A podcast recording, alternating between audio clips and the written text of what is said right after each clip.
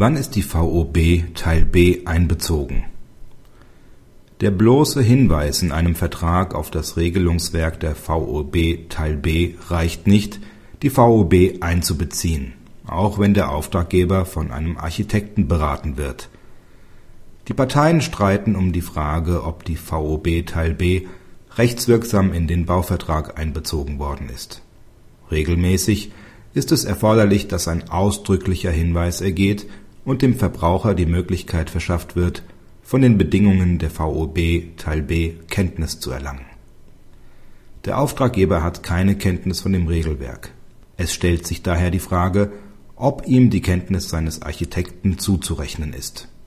Dies verneint das OLG Brandenburg, weil der Architekt bei dem Vertragsschluss den Auftraggeber weder vertreten noch die Verhandlungen geführt hat. Praxishinweis Das OLG Brandenburg bezieht sich auf die Rechtsprechung des OLG Hamm. Danach genügt die bloße Bezugnahme auf die VOB Teil B nicht den Anforderungen an die Einbeziehung von allgemeinen Geschäftsbedingungen, wenn der Gegner des Verwenders Privatmann ist und keinen Architekten eingeschaltet hat.